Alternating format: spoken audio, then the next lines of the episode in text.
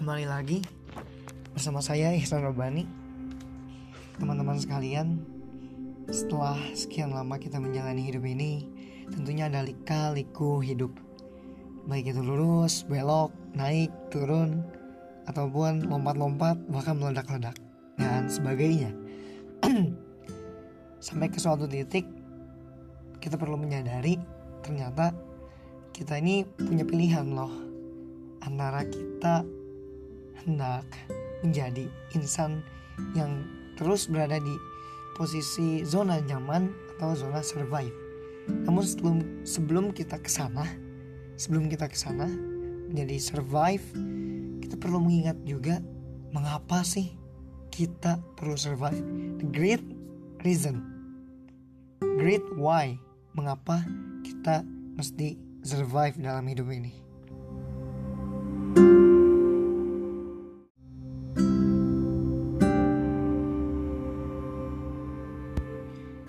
Lah, emang apa bedanya?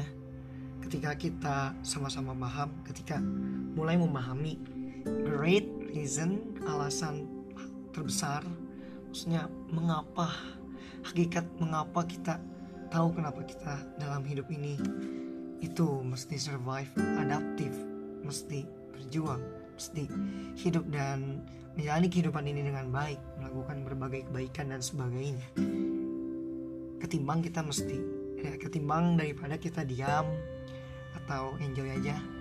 Maksud saya diam uh, dan membiarkan segala halnya terjadi begitu saja. Sebenarnya itu semua balik lagi balik lagi ke ke diri kita sendiri gitu kan. Uh, apa sih tujuan kita hidup gitu?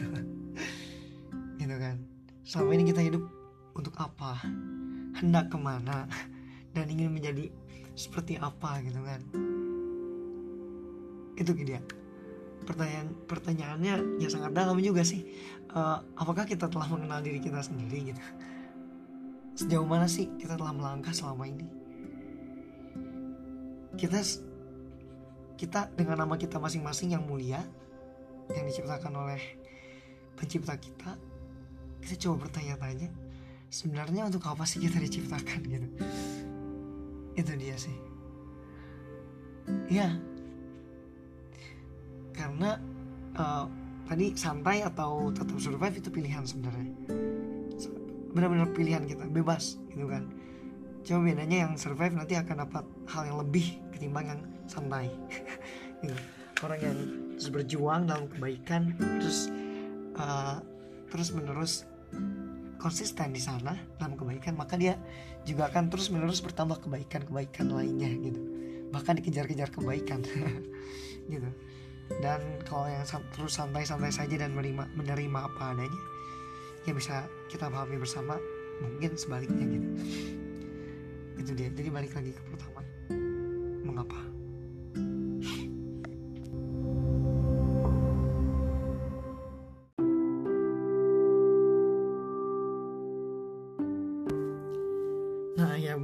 teman-teman pastinya ingin oh, hidup gua ingin bahagia. Kita ingin bahagia terus kita ingin diri ini bahagia senang terus udah gitu kita punya keluarga juga bahagia bersama masyarakat bahagia dan sebagainya. Terus pertanyaan yang utama adalah standar bahagia itu seperti apa? Tujuan bahagia itu seperti apa gitu?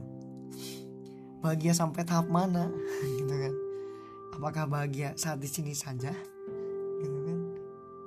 Atau saat nanti ketika kita telah tiada lalu kita menghadap kepada Rob kita dan kita tetap dalam keadaan tersenyum dan bahagia? Ya terus apakah bahagia itu? Ya teman-teman ini sebenarnya so simpel ya. Apakah bahagia itu ketika kita punya uang yang banyak punya harta sejagat punya eksistensi punya keeksisan di atas rata-rata atau ketika kita bergaya-gaya dan mencoba berlomba-lomba akan hal itu di antara teman-teman kita gitu kan? So uh, sebenarnya teman-teman it's simple hidup simple sebenarnya. Uh, bahagia itu uh, teman-teman saya di menengah ke bawah maksud saya teman-teman saya dari kalangan orang-orang yang biasa aja yang dia ada di pinggir jalan ataupun yang dia setiap harinya adalah uh, berusaha mengambil sampah lalu menjualnya. Mengambil sampah ya bukan mengambil sampah untuk dijual. Bukan hanya mulung lalu meminta-minta bukan bukan. Tapi mengambil sampah lalu menjualnya. Menurut mereka ternyata bahagia itu ketika tenang menjadikan apa yang diusahakannya itu bernilai kebaikan bagi diri dan keluarganya. Toh ternyata nggak selalu terkait dengan kekayaan. Dan juga ada teman saya yang dia dia tuh ternyata dia seorang pengusaha namanya dokter Genis pengusaha. Ya saya lihat dia salah satu teman saya ini unik. Setiap hari berjualan memasarkan uh, propertinya. Dia seorang dokter namun dia pengusaha properti memasarkan Podomoro Park nah bagi beliau bahagia itu ketika closing properti yang harganya miliaran itu namun dari closing yang miliaran itu dapat bisa dijadikan modal kebaikan untuk disebarkan, didistribusikan kepada orang-orang sekitarnya. Sehingga kebaikan yang ada makin meluas. Oh, ternyata kekayaan di sini hanya sebagai sarana aja. Lalu ada lagi teman saya yang dia itu menggunakan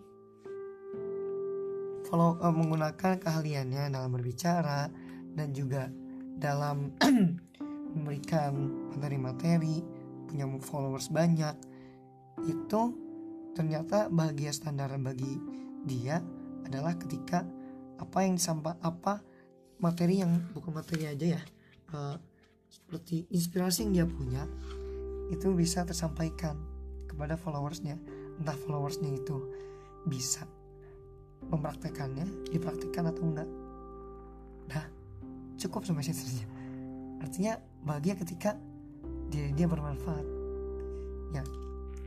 Ada juga masih banyak lagi teman-teman saya yang justru nggak perlu eksis namun ternyata dia berjuang di belakang yang lainnya di belakang orang-orang yang eksis dia ternyata berjuang siang malam mencari nafkah, lalu di samping mencari nafkah untuk dirinya, keluarganya, di masa-masa kuliahnya saat ini, dia juga ternyata mencoba membantu orang-orang yang lemah di sekitarnya. Nanti insya Allah di sesi berikutnya saya ceritakan teman saya ini. Namun bahagia kata dia adalah ya nggak perlu eksis namun berdampak impactful. Ternyata bahagia simpel juga gitu kan. Ada juga teman saya yang dia ternyata standar bahagianya adalah ketika bisa berbagi senyuman berbagi kebahagiaan berbagi memulai pagi dengan semangat lalu mencoba bersalaman dengan teman saya lainnya dan membagi kesemangatan itu. Namanya Ibrahim teman saya juga. Dia setiap kali kita lemah setiap kali kita down dia selalu selalu menyemangati kami. Ya insya Allah Ihsan. Ihsan bisa insya Allah ya insya Allah bisa ya. Ya insya Allah saya bisa. Sampai saya ngomong gitu. Uh, insya Allah kita semua bisa sukses kata dia. Sering diulang sangat sering. Kalau kita sangat kalau kita sedang down sedikit dia langsung menyemangati. Wow saya sedikit banyak menjadi menjadi terkesima menjadi terinspirasi. Ternyata dia semangat untuk terus positif menginspirasi orang lain di saat down ataupun saat mencoba uh, agak bergeser sedikit. Itu dia nggak henti-hentinya untuk memberitahu untuk menginspirasi kita. Wow. Nah namun pertanyaan berikutnya adalah bahagia kita seperti apa? Gitu. Ya boleh. Survive adalah bagian dari survive atau adaptif cuma berjuang adalah bagian dari sarana sarana juga. Bagian dari uh, proses juga sebenarnya. Dan kalau teman-teman tadi coba simak apa yang udah saya ceritakan ceritakan tadi dari teman-teman saya itu teman-teman saya tadi semuanya survive. Yang biasa aja yang miskin survive. Coba berusaha bergerak walaupun nafkah sedikit tapi bisa menafkahi keluarganya teman saya yang kaya tadi yang menjual properti juga survive. Jual properti Podomoro Park dapat uang miliaran dan bisa berinfak. Teman saya tadi yang dia eksis juga survive. Dia mesti coba menyisihkan kesibukannya untuk memberikan manfaat kepada orang lain walaupun entah followersnya mendengarkan atau tidak. Namun dia mencoba menyampaikannya dengan sebaik-baiknya. Teman saya tadi juga yang bergerak di belakang juga survive bahkan tadi sampai yang terakhir teman saya ini yang selalu menyemangati saya dan teman-teman ketika mulai down sedikit walaupun cuma sedikit dia juga coba survive memberanikan dirinya untuk mengajak bahwa kita bisa positif kita bisa sukses. Dan nggak perlu nggak perlu risau nggak perlu khawatir dengan kondisi sekarang yang dialami yang sedang dialami. Seburuk apa pun itu karena masa depan masih cerah dan masih bisa kita coba menja eh, kita coba ulik kita coba edit kita coba uh, rekayasa kita coba atur berusaha untuk dipetakan agar menjadi lebih baik lompatan-lompatan lebih baik depannya. Nah pertanyaan selanjutnya bagaimana dengan kita